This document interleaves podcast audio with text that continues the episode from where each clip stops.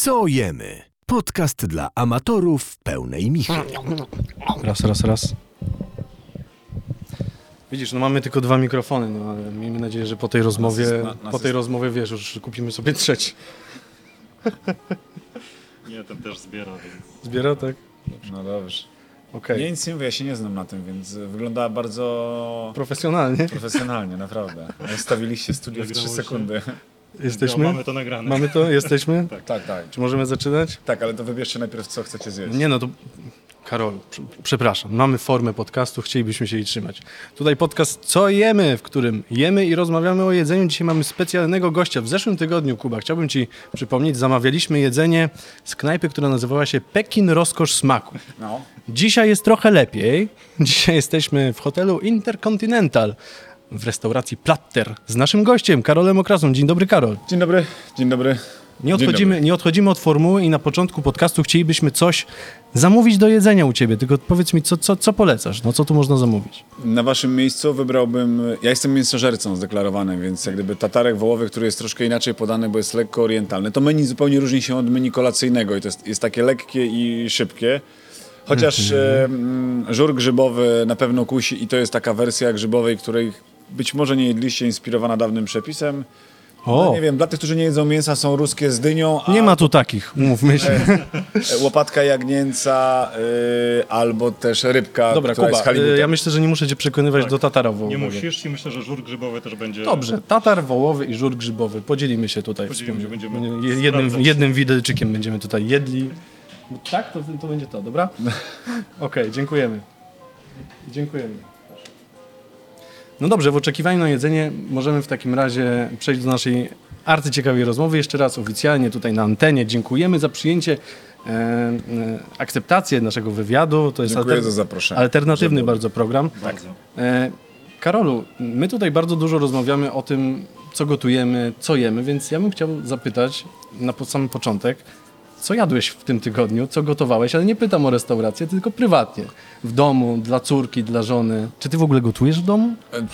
Jeżeli jestem w domu, to tak jak w pracy, to gotuję. Natomiast e, co gotowałem, Boże, nie pamiętam. Znaczy, były na pewno makarony. Moja córka jest fanatyczką makaronów, więc na bank były. Wczoraj był e, z prostym serem jakimś dojrzałym, czosnkiem i oliwą. Ona jest bardzo, z jednej strony chciałbym to, żeby dobrze zabrzmiało, taka prosta w konstrukcji, jeśli chodzi o składanie dań z kilku elementów. Nie lubi przekombinowania, czyli stoi troszkę w opozycji tej mojej kuchni, którą prawdopodobnie znacie, bo namiętnie oglądacie. Teraz powinniście Oczywiście. potwierdzić. Śledzimy. Śledzimy. E, Jesteś dla nas legendą, wychowaliśmy się na twoich programach. A Ale to jest- nie było potrzebne i to wychowywaliśmy się też nie. Ale to jest prawda, ja cię wychowywałem na twoich Ja programach. no, no.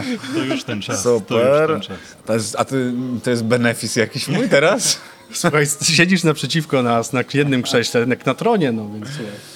Więc y, były na pewno makarony, ale był przy okazji też realizowany program, więc tam w programie pewnie więcej było ciekawych rzeczy, bo była perliczka z pieczonym w ognisku selerem, była karkówka z dzika, którą piekliśmy w soli, e, była pieczona dynia, taka zupełnie jarska potrawa z jakimś e, takim kulis kiszonego ogórka. Była, był kapuśniak na dziczyźnie, czyli taki dziki kapuśniak. E, ach, był chleb. Jezu, O. zapomniałbym. Najważniejsza O rzecz. chlebie można, jak mogłeś zapomnieć o chlebie? A ponieważ byliśmy na Kaszubach, Okej. to e, najbardziej tradycyjny chleb na Kaszubach to chleb z mąki. No. No, testuje nas. E, Żytnie. Żytnie, no pewnie, że żytnie.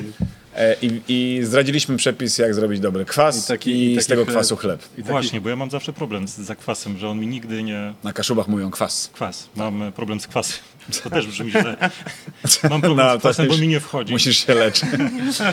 Wiesz co, to jest e, w ogóle magia. Już abstrahując jak gdyby od, od, od pewnie pobocznych wątków tej rozmowy, to rzeczywiście jak spotykasz, jak ja spotykam tych ludzi, których później namawiam, żeby wystąpili w programie, to się okazuje, że te proste rzeczy, to, to, będę cytował nie moje słowa, ale mojego mistrza i mentora, że te proste rzeczy najtrudniej jest pewnie wymyśleć w kategoriach jak gdyby stworzenia, ale najłatwiej zepsuć. Teoretycznie ukisić mąkę każdy umie i może i wydaje się być to procesem najprostszym, no bo to nic innego jak zepsuta mąka. Ale jak się okazuje, zepsuć coś też trzeba umieć. albo zepsuć dobrze. Zepsuć dobrze. No tak, no kwas to jest coś zepsutego dobrze, a konkretnie mąka żytnia zepsuta dobrze, z której to później, która to jest kwintesencją zrobienia dobrego chleba, ale to nie ja jestem tutaj ekspertem, tylko gość, który wystąpił, niejaki pan Janek w programie, więc A zapraszam. jaki pan Janek ma przepis na, za... na kwas? Nie mogę ci powiedzieć, bo, bo, bo on nawet nie zdradził do końca tego, bo powiedział, że nie zdradzi. No, no, powiedział to, to, co wszyscy wiemy. No, jest tam ciepła woda, jest mąc, mąka żytnia, powiedział mniej więcej proporcje, ale wiesz, to nie chodzi nawet o proporcje, tylko chodzi o to, jak się z tym, jak go pielęgnujesz, jak go dokarmiasz i w jakiej trzymasz temperaturze.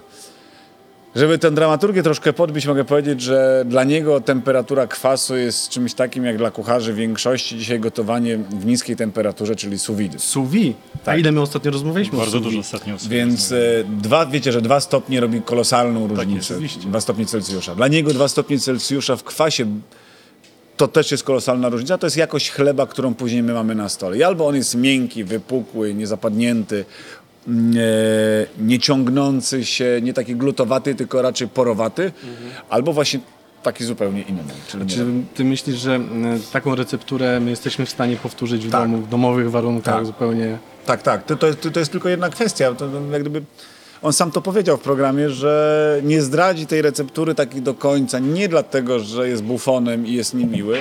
Nawet go to nie prosiłem specjalnie, tylko dlatego, że wiesz, no, sam się przyznał, że siedział nad recepturą trzy miesiące, żeby ją doprowadzić do takiego stanu, jaki ma dzisiaj chleb, którym to chlebem zarabia na swoje życie. Więc ja też z tego założenia wychodzę, że jak chcesz coś zrobić dobrze, to, to trzeba troszkę wysiłku włożyć, a ten wysiłek to jest nic innego jak trening. A doskonale znacie hasło, które mówi, że trening Czyli mistrza. A, proszę. E, Zastanawiam się, bo skoro jesteśmy przy Kaszubach, no właśnie. czy by nie przejść do tematu związanego w ogóle Z z... regionalizmami. Już bo do czego piję? Do tego, że w książce, nie wiem czy kojarzysz pana Welbecka, i główny bohater e, jest człowiekiem, który mm, pracuje w ministerstwie i zajmuje się promowaniem żywności francuskiej.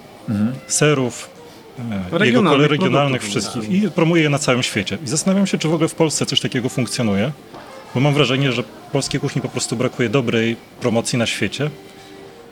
Nie, to się dzieje. Nie, nie, to się To dzieje. znaczy poszczególne organi- czy Problem polega na tym, że to są informacje mało nośne z punktu widzenia gdyby dzisiejszych informacji, które do nas docierają. No bo szybciej rozchodzi się informacja, że mm, ktoś kogoś tam obraził, nieważne już gdzie, e, albo ktoś komuś coś y, wyrzucił, a, aniżeli coś, co dobrego robisz. A rzeczywiście wiele organizacji dobrego, tego dobrego robi. E, I mówiąc o promocji kuchni polskiej na świecie, przecież my lat, ja lata zjeździłem, ale i moi koledzy, o czym wiem doskonale, z różnymi organizacjami, e, które zaj- zajmują się mm, promowaniem polskiej wołowiny, polskiego drobiu, Polski wschodniej szeroko pojętej, bo też była taka inicjatywa, gdzie przez kilka lat jeździliśmy po całym świecie, od Dubaju przez Pekin, Szanghaj, e, Tokio, kończąc na Grine Woche e, w Monachium czy Berlinie.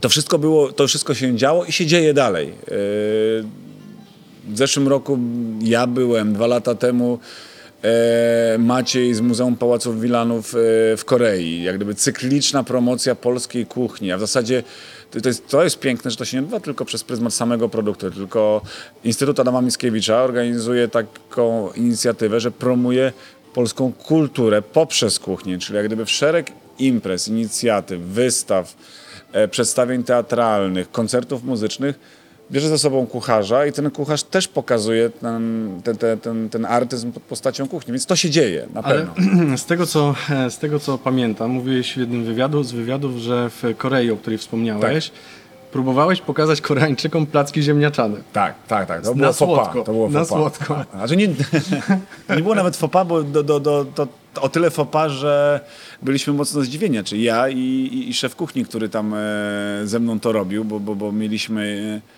za zadanie obydwaj, nie, wiedzieliśmy jakie mamy zadanie i to był taki warsztat polegający na tym, że zaproszeni dziennikarze, blogerzy koreańscy mieli popatrzeć trochę na, na, na naszą kuchnię przez pryzmat tych babcinych receptur. Wszyscy sobie zdają sprawę, że ja trochę te przepisy tam zmieniam, więc poproszono mnie, żebym zrobił taki bardzo tradycyjny polski przepis, najlepiej babciny i to samo zadanie dano temu szefowi kuchni z Korei z nobliwej restauracji, więc y, jakieś zaskoczenie nasze obydwu było, kiedy my zaczęliśmy robić potrawę dokładnie tak samo, więc na co on się mnie zapytał, co ja robię.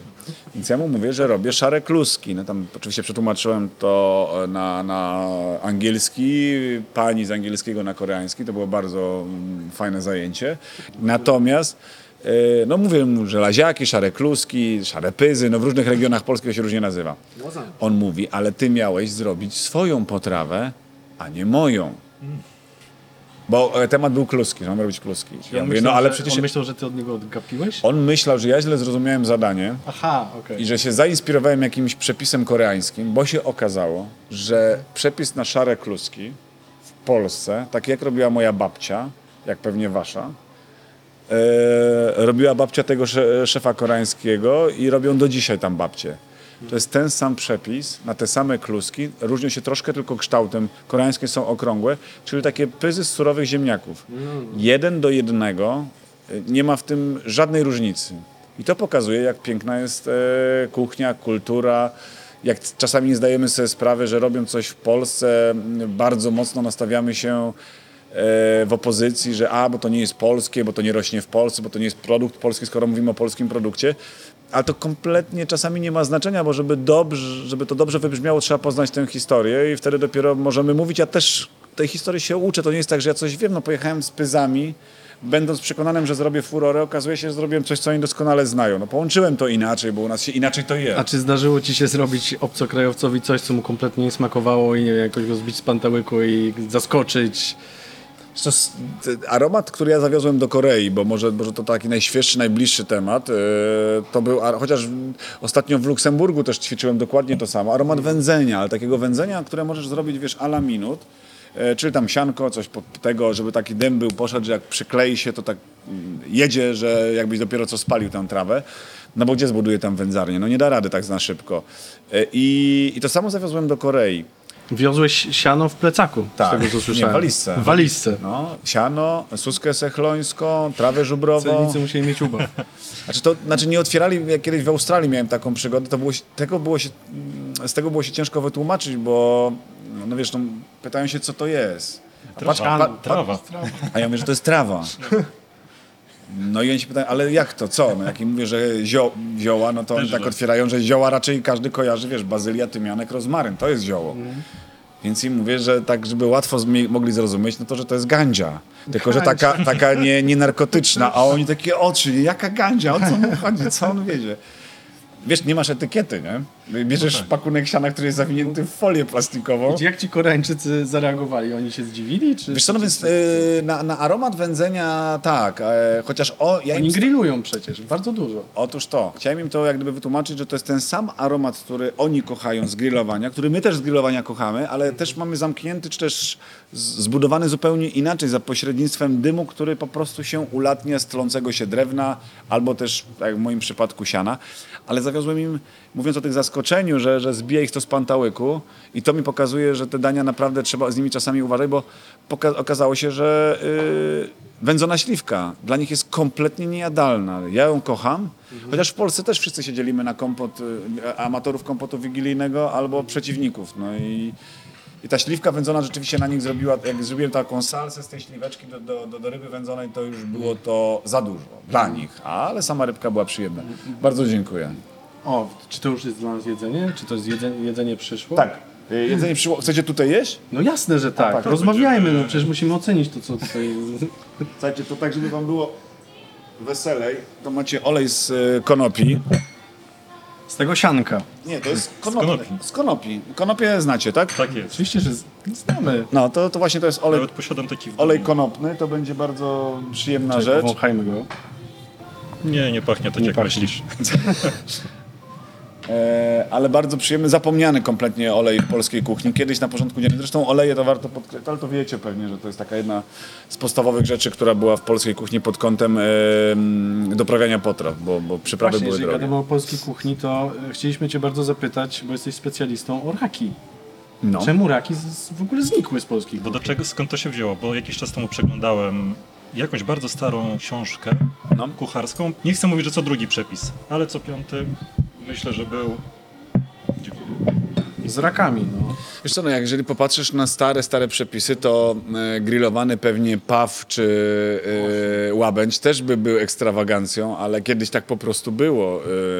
E, ogon bobra dzisiaj, jakbyś tak zaserwował komuś na stole, to, to by powiedział, że naprawdę zwariowałeś i to jest dopiero ekstrawagancja. Kiedyś po prostu to, to, to symbol jak gdyby do, do, do rybnego dania w czasie postu, bo, bo pokryty łuską. Natomiast Dlatego też ja bardzo nie lubię takiego ortodoksyjnego podejścia do tematu kuchni. I raki, no raki zostały wyparte przez raka, który został tutaj przywieziony, tak zwany rak amerykański, który po prostu no, naszego rodzimego, rodzimy gatunek wyparł, a rak nasz rodzimy też lubi e, żyć w czystych wodach, których to wód było przez chwilę bardzo mało i stąd też jak gdyby Bo raki chyba też były, służyły jako taki wyznacznik, czy... czy, czy, czy Nie, raki znaczy, były tak to pospolite jak traktować. pro, podgrzybki i prawdziwki. Jeżeli pogadasz sobie z ludźmi, nawet nie. yy, Nie, musi, nie musimy czytać starych książek. Ja rozmawiam ze swoim kolegą, reżyserem programu, Tomkiem Rostworowskim, który jest absolutnym smakoszem i on mi opowiada, jak jego dziadek wysyłał go nad, nad rzekę, on wiadrem łapał te raki, przynosił całe wiadro, gotowali je sobie w zwykłej wodzie z koprem i jedli. Ponieważ tych raków mieli więcej jak, nie wiem, bo, bo, bo były raki, a nie było jeszcze marchewki. No nie wiem, tak to można porównać, więc jedli raki. Pamiętajcie, że punkt widzenia zależy od punktu leżenia. Jak ja rozmawiałem ostatnio z koleżanką e, z północy, której dziadek, ojciec i ona dzisiaj zajmuje się hodowlą e, pstrąga, to jeżeli ja mówi, tam była taka rozmowa pod tytułem, no co ty jadłaś tam jakieś wspomnienie z dzieciństwa, no to ona mówi, wiesz co, no kawior z tego pstrąga. Więc ja się na nią patrzę i, i uświadomiłem sobie, że, że to naprawdę może brzmieć dla kogoś dziwnie, no bo ja pamiętam swoje, wykop, swoje dzieciństwo jako wykopki, utytłane w glinie, wiesz, po pas czy po kolana, te łęty, te ziemniaki, przerzucanie. Ona sobie łyżeczką kawior z pstrąga serwowała. I to są wspomnienia różne. Chociaż, żebyśmy mieli jasność, to nie było tak, że ona żyła w jakimś, nie wiem, pałacu, tylko że zupełnie inne produkty, zupełnie inna dostępność. Ale poczekaj, bo ja chciałem za chwilę porozmawiać z tobą o twoim dzieciństwie, Tak. ale najpierw, zanim o tym, to powiedz, co my tu mamy, bo przyszedł już nasz tatar, tatar wołowy i teraz tak, jest tu na pewno y, rzodkiew, Rzodkiewka. Nie mylić rzodkwią. Rzodkiewka, Popraw. kulinarny bralczyk po prostu będzie poprawiał. Nie, nie, bo rzod, rzodkiew to tak jakby inne warzywo. No jasne. Ale to... E, Możemy to wyciąć. Nie, Wytniesz to. wszystko zostaje. Nie, właśnie niestety u nas wszystko zostaje, nic nie wycinamy. No. Super. E, co, co my tu mamy? To jest po prostu e, tatar wołowy, który my przygotowujemy na różne sposoby. Jest albo wędzony, albo też orientalny, z takim orientalnym zacięciem e, pod tytułem e, ocet e, winny, troszkę octu z kwiatu czarnego bzu, odrobina miodu, kolendra, limonka, e, imbir. Tatar doprawiony szalotką, tatar doprawiony też dwoma majonezami. Jeden majonez jest wędzony, to ten jasny na górze, a drugi majonez jest zrobiony z lubczyku, żeby... Ja nienawidzę lubczyku, ale staram się, tak jak nienawidzę kaszy gryczanej, to walczę z tymi produktami, robiąc z nich inne rzeczy. Majonez z lubczyku toleruję. Troszkę kolendry świeżej, aha, i chrupiące ziemniaczki na górze, żeby znowu ten... Właśnie to są ziemniaki. Tak, to są ziemniaki, które e, pokazujemy, takie w zasadzie inne chipsy ziemniaczane, o. Ale to, są, to nie są chipsy, tylko to są nitki ziemniaczane. Ale właśnie, żeby złamać. A i tam jeszcze jest bardzo ważny liście estragonu, które jak przegryziecie, też dadzą taki fajny ziemisty aromat. Czyli mnóstwo ziółek, mnóstwo e, takich świeżych aromatów, z drugiej strony ten orientalny charakter. Nie chciałbym, żeby to był taki tatar, wiecie, jak wszyscy znamy, że musisz go wymie- wymieszać. Ja, ja go lubię, żeby było jasne. Z żółtkiem, tam z tymi siekanymi dodatkami. Tylko troszkę inaczej, taka forma lżejsza, przy, nie wiem czy przyjemna, ale to goście oceniają. Czyli Głupio mówić przy gościu, ale jest świetny. Świetny jest, no. Żeby nie skłamać e, najlepszy, jaki jedliśmy. No, dobra, dobra. Nie, ale najlepsze tatary w Warszawie. No. Znaczy, takim klasykiem dla nas zawsze, czy klasykiem. W sumie chodziliśmy do baru Lotos, nie wiem, czy znasz Lotos. Nie, nie, nie. nie. Bar Lotos to jest najbardziej legendarny gdzie bar jest? na Mokotowie. Dolna z Sobieskiego. Dolna, Dona A, Sobieskiego. to tam daleko, okej. E, słuchaj, tam w Lotosie nagrywają wszystkie gangsterskie polskie filmy. I Bo tam tam podają tatar. Bo tam nic się nie zmieniło od 50 lat. Chodzą panie, na kartce zapisują wszystko, e, chodzą z wódką, rozlewają, przychodzą gangsterzy i tam jest Tatar, który też się nie zmienił. I on jest naprawdę rewelacyjny moim zdaniem. W To Warszawie jest klasyczny polski tatar. Tak. E, trzeba za- zamieszać. Zamieszać. Jest oddzielnie więc- ogóreczek, oddzielnie cebulka i No więc właśnie to jest to, co mówicie, że ja jak gdyby absolutnie cenię sobie takie klasyki. Ja jeżdżę od 35 lat na lody do Tarczyna. Eee, I to są lody, które ja pamiętam ze swojego dzieciństwa i to są lody, które naprawdę mm, e, ciężko prawdopodobnie powtórzyć, chociaż pewnie nie są jakieś... Bo dzisiaj ta technologia tak się rozwinęła i ta percepcja, że my dążymy do takiego wzorca...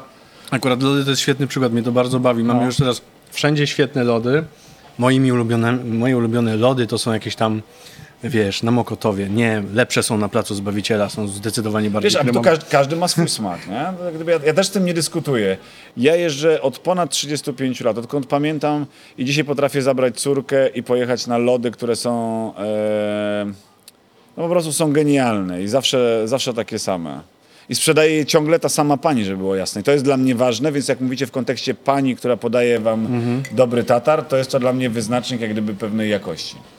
Ja bym chciał zapytać o, o twoje dzieciństwo, bo e, e, opowiadałeś o takiej tradycji u ciebie w domu, o tradycji niedzielnych obiadów. Tak. E, Ach, ja, tylko te lody są przy przystanku autobusowym w Tarczynie, żeby było jasne, nie? żeby nikt tam nie poleciał. Zapisuję. To będzie jeden, chyba jedyny przystanek, czy nie? Przy, e, w- w- ale chyba jedyne lody przy przystanku, wszyscy wiedzą. mm, Chciałem zapytać, przepraszam, że z pełną buzią, co jadało się na takich obiadach u ciebie? Spoko, tylko ja tu jestem głodny, widzę. No. Możemy Coś, ja, się nie, podzielić. nic, nic, nie przerywajcie sobie. Rozumiem, że pytanie zadane, teraz macie czas skonsumować. Opowiadaj. E, co się jadało u mnie? tak.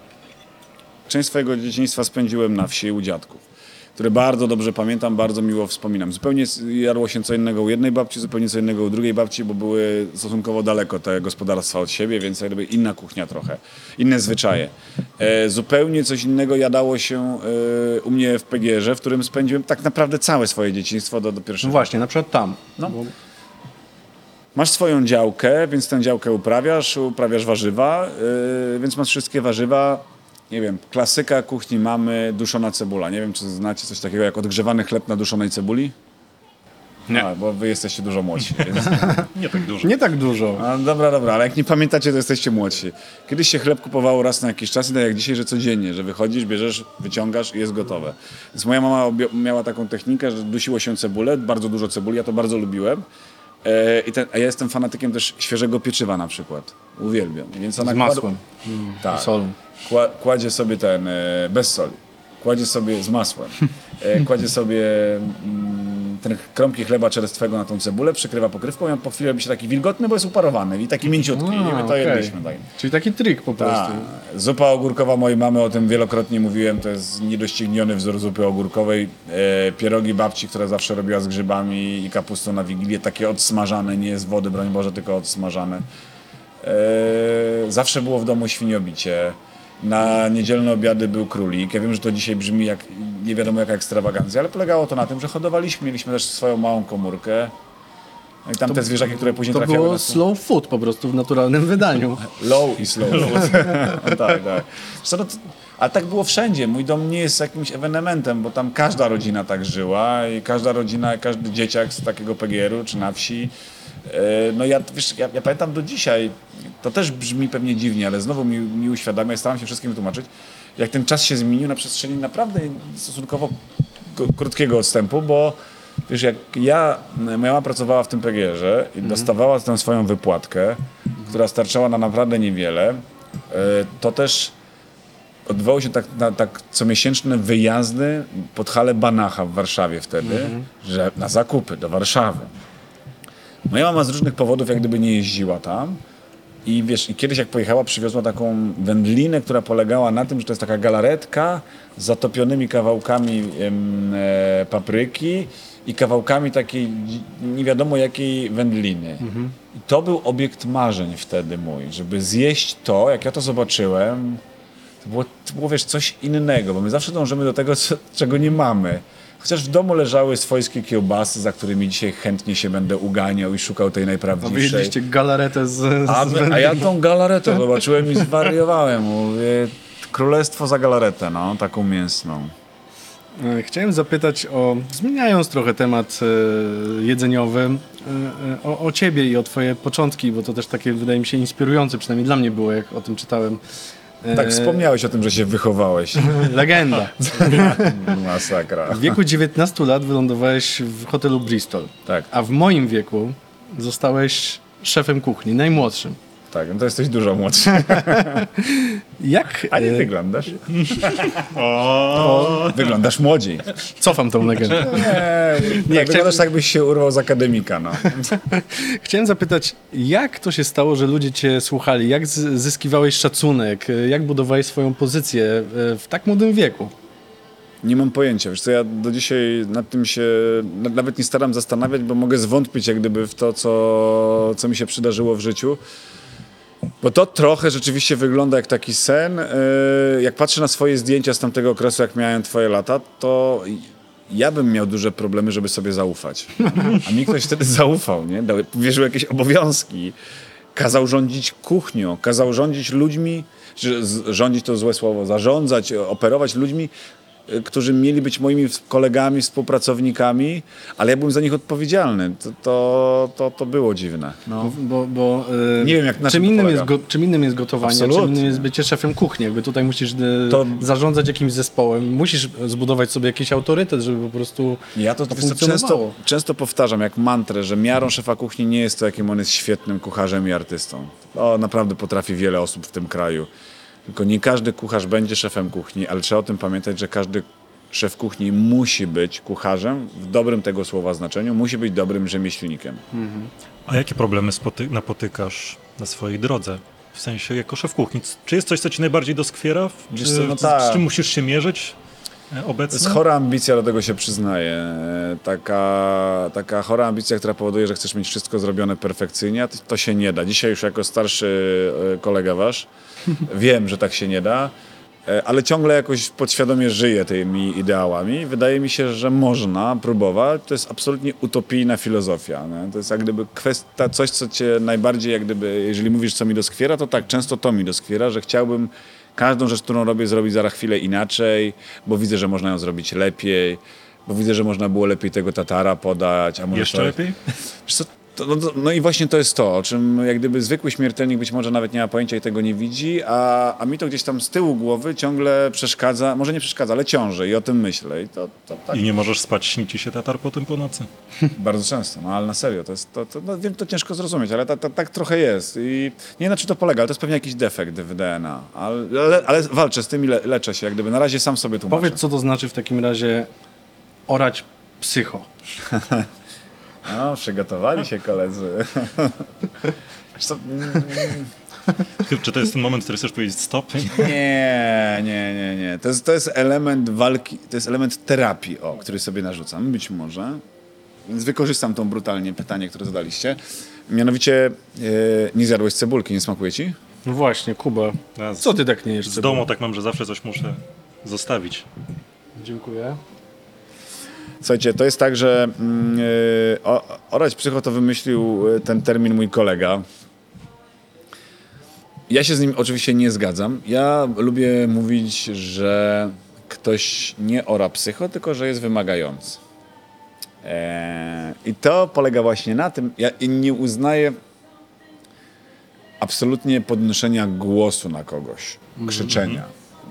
Uznaję to za osobistą słabość. Jeżeli ja na kogoś krzyknę, nie daj Boże, to znaczy, że nie potrafię nim właściwie z nim rozmawiać, e, poprosić go o coś, czy wydać mu polecenia, czy go nauczyć czegoś. To jest zawsze wina moja, zawsze wina przełożonego, a nie podwładnego. Jeżeli nawet ktoś, kto z tobą współpracuje, czyli twój pracownik, okazuje się, że czegoś nie daje rady zrobić trzeci raz z rzędu, podwiesza temat, to znaczy, że znowu ty popełniłeś błąd, angażując go do tej pracy, źle go zweryfikowałeś, albo nie potrafisz się z nim rozstać. Koniec, kropka. Gdyby to nie jest jego wina, wydaje mi się, ja tak do tego podchodzę, więc orać psycho znaczy tyle, że ja potrafię niestety tak zwrócić uwagę komuś bez krzyczenia, że on to pamięta bardzo długo. Mi dzisiaj koledzy wypominają pewne schematy z Bristolu, jeszcze to było kilkanaście lat temu. Po prostu wchodzisz na ambicje, no. Myślę, że to było... bardzo. wy- Siedzisz, siedzisz Bardzo. patrzysz się na takiego delikwenta, milczysz, obserwujesz. Co, no nie ma, ale znaczy ja, ja, ja zostałem nauczony pewnej etyki zawodowej, i, i, a przez rodziców tak wychowany, że to jest duża odpowiedzialność. Musi, możemy tutaj żartować, wygłupiać się tam, wiesz, używać różnych sformułowań. To jest dosyć proste, każdy to potrafi zrobić, ale wy przed chwilą zjedliście danie. E, Wyobraźcie sobie, że jeszcze, nie daj Boże, trzeba za to zapłacić swoje zarobione ciężko bardzo często pieniądze. Więc jeżeli ktoś do mnie przychodzi, to ja nie mogę zrobić czegoś, że na chybił trafił. Nie ma takiej drogi na skróty. I żaden z moich kucharzy, pracowników, kolegów nie może iść tą drogą. Tutaj chciałem coś, e, z, trochę się doczepić do jednego słowa, do Tak. jednego sformułowania. Chybił trafił, bo bardzo często, jak e, widziałem kilka wywiadów z tobą, bardzo często mówiłeś o tym, że nie ma, nie ma możliwości, żeby ktoś coś robił na chybił trafił. To, o czym powiedziałeś teraz. Czy w twojej kuchni w ogóle jest jakiekolwiek miejsce na improwizację? Czy ty, czy ty improwizujesz na co Tak. dzień? Czy to jest kontrolowana improwizacja trochę, Mm. czy nie? W każdej improwizacji e, o, przyznaję się do tego, ja, ja wiem, jaki jest drogowskaz, znaczy gdzie idę. Wiem, gdzie chcę dojść. O, może tak. Przynajmniej w początkowym zarysie. Mając bagaż pewien doświadczeń, wydaje mi się, że margines błędu, może mi się wydawać oczywiście tylko to, ale margines popełnienia błędu w trakcie gotowania jest mniejszy niż, nie wiem, u was, którzy, czyli dla osób, które nie są profesjonalistami, tak to nazwę.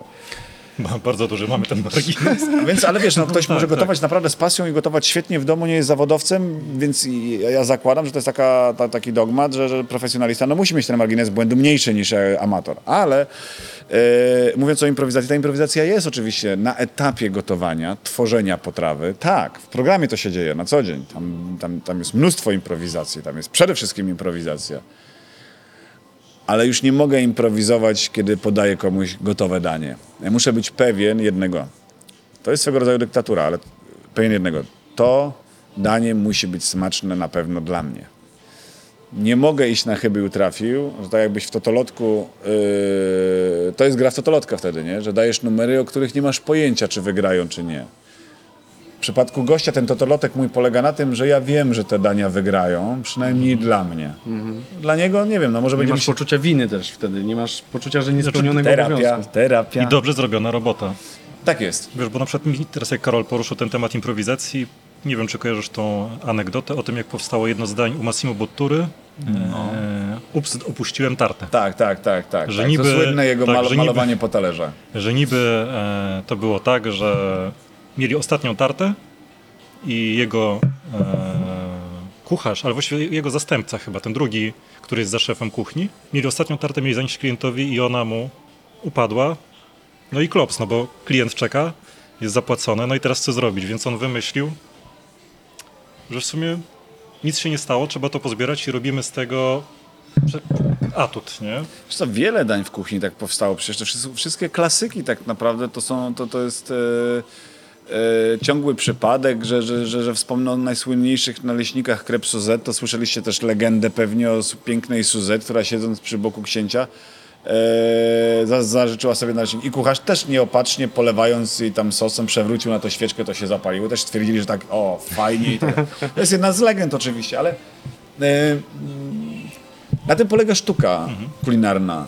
I ja tego słowa nie boję się już dzisiaj używać. Kiedyś jeszcze miałem obiekcje, ale wydaje mi się, że patrząc na to, co wyprawiają rzeczywiście moi koledzy po fachu, nie tylko za granicą, ale i w Polsce, mogę śmiało powiedzieć, że, że sztuka kulinarna w Polsce jest y, absolutnie na wyciągnięcie ręki do zobaczenia w wielu, wielu restauracjach, w wielu punktach gastronomicznych, w wielu barach, bo ta sztuka może się czasami przejawiać formą, ale może się przejawiać też bardzo często i co, o co ja staram się walczyć w treści, czyli jak gdyby w smaku. A czy na przykład było takie danie, bo rozumiem, że to czasami jest tak, że masz jakiś proces twórczy, tak to nazwijmy, że wymyślasz danie, czy wymyślasz, konstruujesz menu i wymyśliłeś jakieś danie, ale wiesz, że ono tobie smakuje, jest w ogóle mega, ale że ono nie trafi w gusta, czy W mainstream. w mainstream, czy robisz jakieś mikrobadania wśród swoich ludzi, żeby sprawdzić, czy to w ogóle ma szansę zażreć, czy...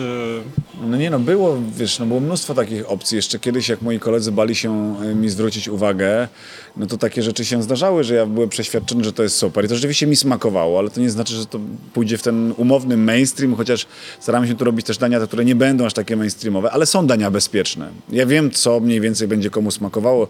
Tak też się robi na wielu kolacjach degustacyjnych, że wiesz, ustawiasz danie, które no, no przychodzi, nie wiem, nawet 30 osób bardzo różnych osób.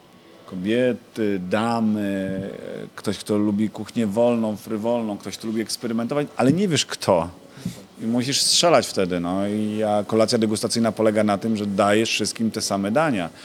Oczywiście przyjmujesz wszelkie rodzaje alergie i tak dalej, ale to, to, to nie o to chodzi. No, to komponujesz to z winem, to jest pewien spektakl. No, to jest tak, jakbyś poszedł do teatru też bardzo często i, i mówisz że świetna sztuka, tylko jakby pan mógł nie przeklinać.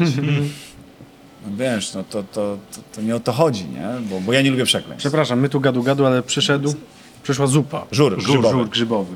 Opowiedz coś o tym. Żur grzybowy na bazie i maślanki, i oliwy szczypiorkowej, która była na dole, i żur grzybowy na bazie przede wszystkim ukiszonej mąki żytniej, o której przed chwilą rozmawialiśmy. Grzyby leśne w przewadze podgrzybek, którego cenię niezwykle ponad wszelką wątpliwość, bardziej niż yy, prawdziwka. Na dole, co bardzo polecam, trzeba co jakiś czas dziabnąć yy, takiej mm, sałatki z yy, śliwki, suski sechlońskiej wędzonej z papryką. Czuję, wę- czuję wędzonkę. Czyli słodycz, wędzonka i lekko kwaśka, kwaśna zupa grzybowa. A powiedz, a jak przyszły te zupy, to mm, kontrolowałeś trochę, czy to wszystko dobrze wygląda? Podświadomie, czy, czy, czy się wyluzowałeś? Zaufałeś. Wiesz co, wydaje mi się, że każdy szef kuchni kontroluje. Dyplomatycznie. Ale nawet przed rozpoczęciem rozmowy zerkałeś na salę, chyba czy wszystko gra. Eee, tak, tam zerknąłem, czy wszystko gra. Chyba też dałeś, dajesz Super. im teraz trochę więcej wolności niż kiedyś, tak? Z tego, co zrozumiałem. Wydaje mi się, że to jest na tym samym poziomie, wiesz. Eee, Star- ja, ja też się tego uczę, ale być może więcej wolności dlatego, że już nie mam tego przeświadczenia tak non-stop, że ja sama, że ja wszystko muszę zrobić sam, bo, bo kiedyś miałem i długo z tym walczyłem, żeby tak dalej, a na tym nie polega zarządzanie. Gdyby trzeba się umieć przestawić i wydaje mi się, że cała mądrość polega menadżera na tym, czy, czy właściciela, czy szefa kuchni, który ma nawet jedną osobę pod sobą, bo nią też w jakiś sposób, za nią jest odpowiedzialny, czyli nią zarządza, E, no, żeby potrafił zrozumieć, że naprawdę świat się na nie, to, to, to egocentryczne podejście do świata, żeby złamać, że świat się nie kończy na tobie i się nie zawali, jeżeli ciebie nie będzie. I to wcale nie jest tak, że ty jesteś e, tutaj najlepszy. Jeszcze raz podkreślam, miarą szefa kuchni nie jest to, jak on świetnie gotuje, jakim jest artystą, tylko jaki ma zespół za sobą. Już jako szef skromnego działu sobie wezmę to do Nie, serca. Co, ale y, żeby było jasne, nie? To, to, to ja to tutaj sobie tak opowiadam i ja żyję w tym swoim idealistycznym świecie, e, który sobie ja naświetlam i wy przeprowadzacie wywiad ze mną. Ja nie wiem, czy by było tak samo, jakbyście pogadali Z z, moimi kolegami. E, to orać psycho skąd się wzięło, więc ja, ja też się nad tym głęboko zastanawiam. Ale to jest, to jest tak, że ym, ja, ja mam takie zacięcie despotyczne czasami. Ja, ja wiem o tym. Moja żona to, to doskonale wie. Mm, To, Takie co, chyba pozy- takie bezpieczne, ale despotyczne wiesz, że poczucie, że to jest. E, no wszystko i tak spoczywa na twoich. Jako menadżer wiesz, że to idzie na twoje ba- barki. Plecy. natomiast to, co wniosek, który idzie z naszej rozmowy jest jeden. To, co mnie zastanawiało przed tą rozmową. Czy No. ty nadal odczuwasz pasję w związku z tym, co robisz? Jakby, czy nie masz Tak. dość y, tego ciągłego gotowania? Nie wiem, na czym to polega. E, Być może polega to na tej mm, starej, znanej wszystkim prawdzie, że jeżeli coś lubisz, to to dla ciebie przestaje być pracą, ale rzeczywiście pasją. To jest kłamstwo. Nie. Dla mnie to jest się. kłamstwo. Absolutnie nie Chyba, zgadzam że się. pokochasz swoją pracę po prostu Tak. w tę stronę, nie? No. Nie, nie, słuchaj, to jest tak, że e, ja naprawdę głęboko w to wierzę, że jak coś pokochasz, to jest to twoją pasją. E, I tylko, że ja też mam świadomość, żebyśmy tutaj dobrze się zrozumieli, że jak dzisiaj bym musiał z jakichś powodów zamknąć się w klatce, przychodzić do restauracji dzień dnia, tej samej tego wnętrza, to ja ze swoim już doświadczeniem życia, tym życiem, które prowadzę przez ostatnie kilkanaście, kilkadziesiąt lat, bieganiem, robieniem różnych projektów, robieniem programu, bym musiał się mocno przyzwyczaić, a na pewno bym cierpiał i nawet, że ponieważ kocham to gotowanie, nie wiem, jak bym się zachowywał i nie wiem, czy bym to tak kochał jak dzisiaj. Ponieważ ja mówię z perspektywy człowieka, który ma milion innych zajęć, mega fajnych, gdzie może tę kreatywność wdrażać niemalże codziennie. Ja codziennie jak gotuję, gotuję w innych miejscach, nawet w restauracji mogę sobie pozwolić na arcykreatywność. Ja nie, nie stawiam stempelka na, na tej samej paczce cały czas. To by mnie pewnie znudziło. Dzisiaj to jest tak, że w programie robię co chcę. Jeżdżę w jakieś dziwne miejsca, spotykam fajnych ludzi. Jakaś abstrakcyjna, wiesz, tu popiół, tu deszcz, tu ogień, tu się wkurzasz na kolegów, ale coś się non stop dzieje i tworzysz danie, które raptem ci pokazuje, że no jakbym chciał, to bym tego nie wymyślił. To po prostu powstało. No i na tym to polega. Ja mówię z perspektywy człowieka, który jest... Czyli ciągłe dorzucanie do pieca. Tak, taki bombardowany jakimiś e, bodźcami, które, które sprawiają, że rzeczywiście patrzę na pryzma, przez pryzmat e, takiego odkrywania, poznawania non-stop e, na ten zawód, a nie, a nie jak gdyby od, od, od, od, odhaczania tam karty w zakładzie. Twoje ostatnie odkrycie, największe? Jezu, największe. Co cię zaskoczyło? Może nie największe, właśnie, co cię zaskoczyło? cię Bo może zaskoczyło? być coś małego, co cię zaskoczyło. To Tak. też. Problem polega na tym, że ja większość rzeczy... Pod... Była... Aha, była taka... O! A to jest takie, ale to jest hardkorowe. Bo pamiętajcie, że jak ja gotuję, mówiliśmy o tym marginesie błędu, to ja wiele rzeczy sobie potrafię wyobrazić, ja wręcz chyba sobie wyobrażam smak i nawet jak on mnie trochę zaskoczy, to to jest takie zaskoczenie przewidywalne, tak to nazwijmy, że, że kucharze, którzy słuchają, pewnie wiedzą o czym mówię. Że Kucharze, że wiemy. Kucharza ciężko jest, jak gdyby tak, wiecie, tak w 100% zaskoczyć. No coś może być po prostu super zrobione. Czy to jest w kategoriach takiego wow zaskoczenia? Nie. Ale jeżeli już ja połączyłem kiedyś, chcąc złamać jeden przepis na zupę brzadową, e, kaszubską też i zupę polegającą na zrobieniu tej zupy z suszonych owoców i zrobiłem ją łącząc nie suszone owoce, ale wiśnie, kompot wiśniowy z wywarem rybnym i dodałem do tego wywar grzybowy, to z perspektywy osób, które gotują i, i znają te wszystkie aromaty i smaki, wiedzą, że to jest jakaś abstrakcja totalna i sztuka dla sztuki. Okazuje się, że nie, bo jak jeszcze to zabi- zabielimy śmietanką, to powstaje coś na wzór czerniny w smaku. Jeżeli mówicie, co mnie zaskoczyło, to połączenie tych aromatów, które naprawdę są abstrakcyjne. Ja potrafiłem sobie wyobrazić, jak ta zupa może smakować, ale to był zupełnie inny smak niż sobie wyobrażałem. Mega fajne, do tego stopnia, że jak, wiecie, moja, moje odczucia i moja ocena może być mm, zgoła myląca, ale jeżeli już porozmawiacie, jeżeli ja to daję swoim kolegom, którzy robią program, którzy jedli ponad 400 moich potraw przy ostatniej serii, którą robimy, no to oni potrafią powiedzieć, że coś jest dobre od razu, albo że coś nie jest dobre, yy, że to nie jest ich smak. I powiedzieli jeden do jednego, że to, jest, że to im przypomina czerninę, którą jedli. Więc w kategoriach zaskoczeń, tak, połączenie e, kompotu wiśniowego, zupy grzybowej Notujmy. e, i zupy rybnej, czy wywaru rybnego. Ja sobie nawet tego nie potrafię wyobrazić, szczerze mówiąc. No więc ja też, ja też jakbym ktoś mi to powiedział, żeby było jasne. Jak ty byś mi to powiedział, choćbym był najlepszym kucharzem na świecie, powiedziałbym, że naprawdę zwariowałeś. Dlatego też mówię, że ta robota dalej jest dla mnie tak przyjemna, bo właśnie takie rzeczy pokazują mi, że jest tyle jeszcze do odkrycia i tyle do zrobienia i tyle fajnych dni może być przed tobą, bo to jest tak, że jak gdyby ja uwielbiam jeść, uwielbiam degustować, uwielbiam próbować, uwielbiam tworzyć. To ostatnie pytanie, na które na pewno nie odpowiesz. Jeśli miałbyś jeść jedną rzecz do końca życia, Albo gotować jedną Albo gotować. codziennie i perf- do perfekcji ją doprowadzać. to co by to było? Gotować, a później jeść. Jakbym miał doprowadzić do... Tak, coś do perfekcji miałbyś, mógłbyś sobie codziennie gotować. Nie wiem, dla mnie na przykład, może to jest trywialne, jest e, robienie w, domu pizzy. Ja mam dylemat taki, że jak gdyby, no, e, żeby się nie zanudzić, to pewnie bym, był, eks- bym eksperymentował z zupą rybną. Ponieważ mogę jej zrobić tysiące odmian i udawać, że jak gdyby cały czas doprowadzam ją do perfekcji, a tak naprawdę codziennie jem inną. I, i wtedy nie byłoby nudy. Większą ryzyko nudy i, i rutyny pewne byłoby przy uwielbianych przeze mnie kluseczkach lanych, które mogę doprowadzać rzeczywiście do perfekcji. To testuję ze swoją córeczką. Bo ja uwielbiam kluski lane, albo też takie szarpane, albo ścierane na tarce zaciereczki, albo też kulane zaciereczki, takie dawne.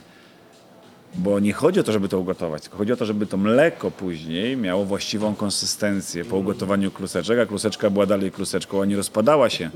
Żeby nie lać takich grubych, które wychodzą później takie, wiecie, no też smaczne, ale takie batony, które tam pływają, tylko żeby to były takie nierozgotowane, a, ale już takie rozklejone. Tak, jak, nie wiem, jak risotto Włosi robią, nie? Że to ziarenko jest takie jeszcze twardawe, a jednak wpływa w kremie. O, to jakbym tak mógł do... I, I właśnie zadanie by polegało pewnie na tym, żeby zrobić taki przepis, że jak ja go napiszę, to wy byście go byli w stanie odtworzyć jeden do jednego. Okej. To prawda. O, i to mógłbym dopracować do perfekcji. To, to zresztą jest taka rzecz, która mi teraz spędza sens powiek, żeby tworzyć takie rzeczy, ponieważ już jak gdyby wiele rzeczy w kuchni zostało pokazanych wszędzie. Ale wydaje mi się, że ciągle nie ma takich przepisów, które bierzesz i ludzie mają z tym największy problem, bo chcą się wyłączyć z myślenia, niestety. Ja to szanuję. Ale że bierzesz, robisz i on wychodzi. Tylko, że robisz, ja wiem już z perspektywy tych kilkudziesięciu lat pracy w zawodzie, że to ma kompletnie, absolutnie unikalną Ale zna- chyba jest tak wiele zmiennych, że nie jesteś w stanie doprowadzić do tego, tego do jednej receptury matematycznej. pizzy też, a on w próbuje. Tak, w pizzy tak samo. A on woda. próbuje, ale ja też mogę Gadaliśmy też o próbować. tym ostatnio, że, że jest tyle czynników. Jest woda, inna mąka, drożdże. No nie ale- jesteś w stanie rozpisać przepisu. Dwa stopnie temperatura w przypadku zaczynu czy vide. Widzicie o co chodzi. To jest jak gdyby mega ważne, dlatego też skoro on próbuje, to dlaczego ja mam nie spróbować? Dlaczego nie podjąć tej rękawicy i zrobić przepis, który bankowo ci wyjdzie? Ja wiem, że na przykład przepis na rybę, tę opaloną sianem, wam wyjdzie na pewno. Z sosem już znowu mam problem. Bo tu trzeba było pewnie mierzyć wilgotność rukoli, który do, do tej ryby robię, nie? Bo to jak gdyby minimalne ilości wody w rukoli umytej powodują zmienną, e, która wpływa na konsystencję gotowego sosu, który ma stać na talerzu, a nie się po nim rozlać. No też warunki, w jakich gotujesz, prawda? Też temperatura, Otóż to, ale może się uda. Kto wie? To był podcast Co jemy, w którym jemy i rozmawiamy o Ale nie jedzeniu. powiedzieliśmy nic o żurku. A właśnie, no, co, co tu mówić, Kuba? No powiedz mi, co tu mówić? No, Nie, ale bym chciał, żeby się... Znowu mamy się rozpływać? No. Nie, ale właśnie bez sensu, bo to będzie takie... A co byście zmienili? A mogę nie- zapytać? Tak. Tak, co bym zmienił? No. Nie wiem, czy bym nie przełamał jeszcze więcej tej kwasowatości czy słodkości, Nie, jak wychodzę. bo, bo on faktycznie jest bardzo mocno grzybowy. tak. Super. I te akcenty, które tam są e, na przełamanie smaku są fajne, ale nie wiem, czy bym więcej ich po prostu na przykład nie... Widzisz? I to jest merytoryczna rozmowa. Co? Ja, ja, mi smakowało. No. On też by coś ciągle zmieniał w tej pizzy. Ja jem i ona mu Ale jak dałem ci smakuje. swój przepis, to tobie nie wychodzi tak jak mi, nie? No nie wychodzi, no nie wychodzi, bo u nas jest inna woda. No. Po prostu. On mieszka poza Warszawą, na Tarchominie, no jak może być? O nie, no to ma wodę ze wsi. No ja, się, właśnie. ja się w niej kąpałem, to wiem, zaczeka miękka skórka. Oczywiście. To był podcast Co jemy, w którym jemy i rozmawiamy o jedzeniu. Zapraszamy na nasz Instagram, podkreśnik. Co jemy? Co jemy? E, To był jubileuszowy 11 odcinek. Dziękujemy Karol, że Bardzo dziękuję. na rozmowę i za Proszę. fajny, fajny Mam wywiad. nadzieję, że komuś się to przyda kiedyś. Naszym 40 obserwatorom na pewno. Dziękujemy. Na Pozdrawiam razie. wszystkich 40. Macie jednego więcej. Dokładnie. O, super, dziękujemy Karol, Dzięki. bardzo. Co jemy? Podcast dla amatorów pełnej michy. Szukaj nas na Instagramie. Podkreślnik Co jemy? Pisz do nas. Co teraz jemy? Małpa gmail.com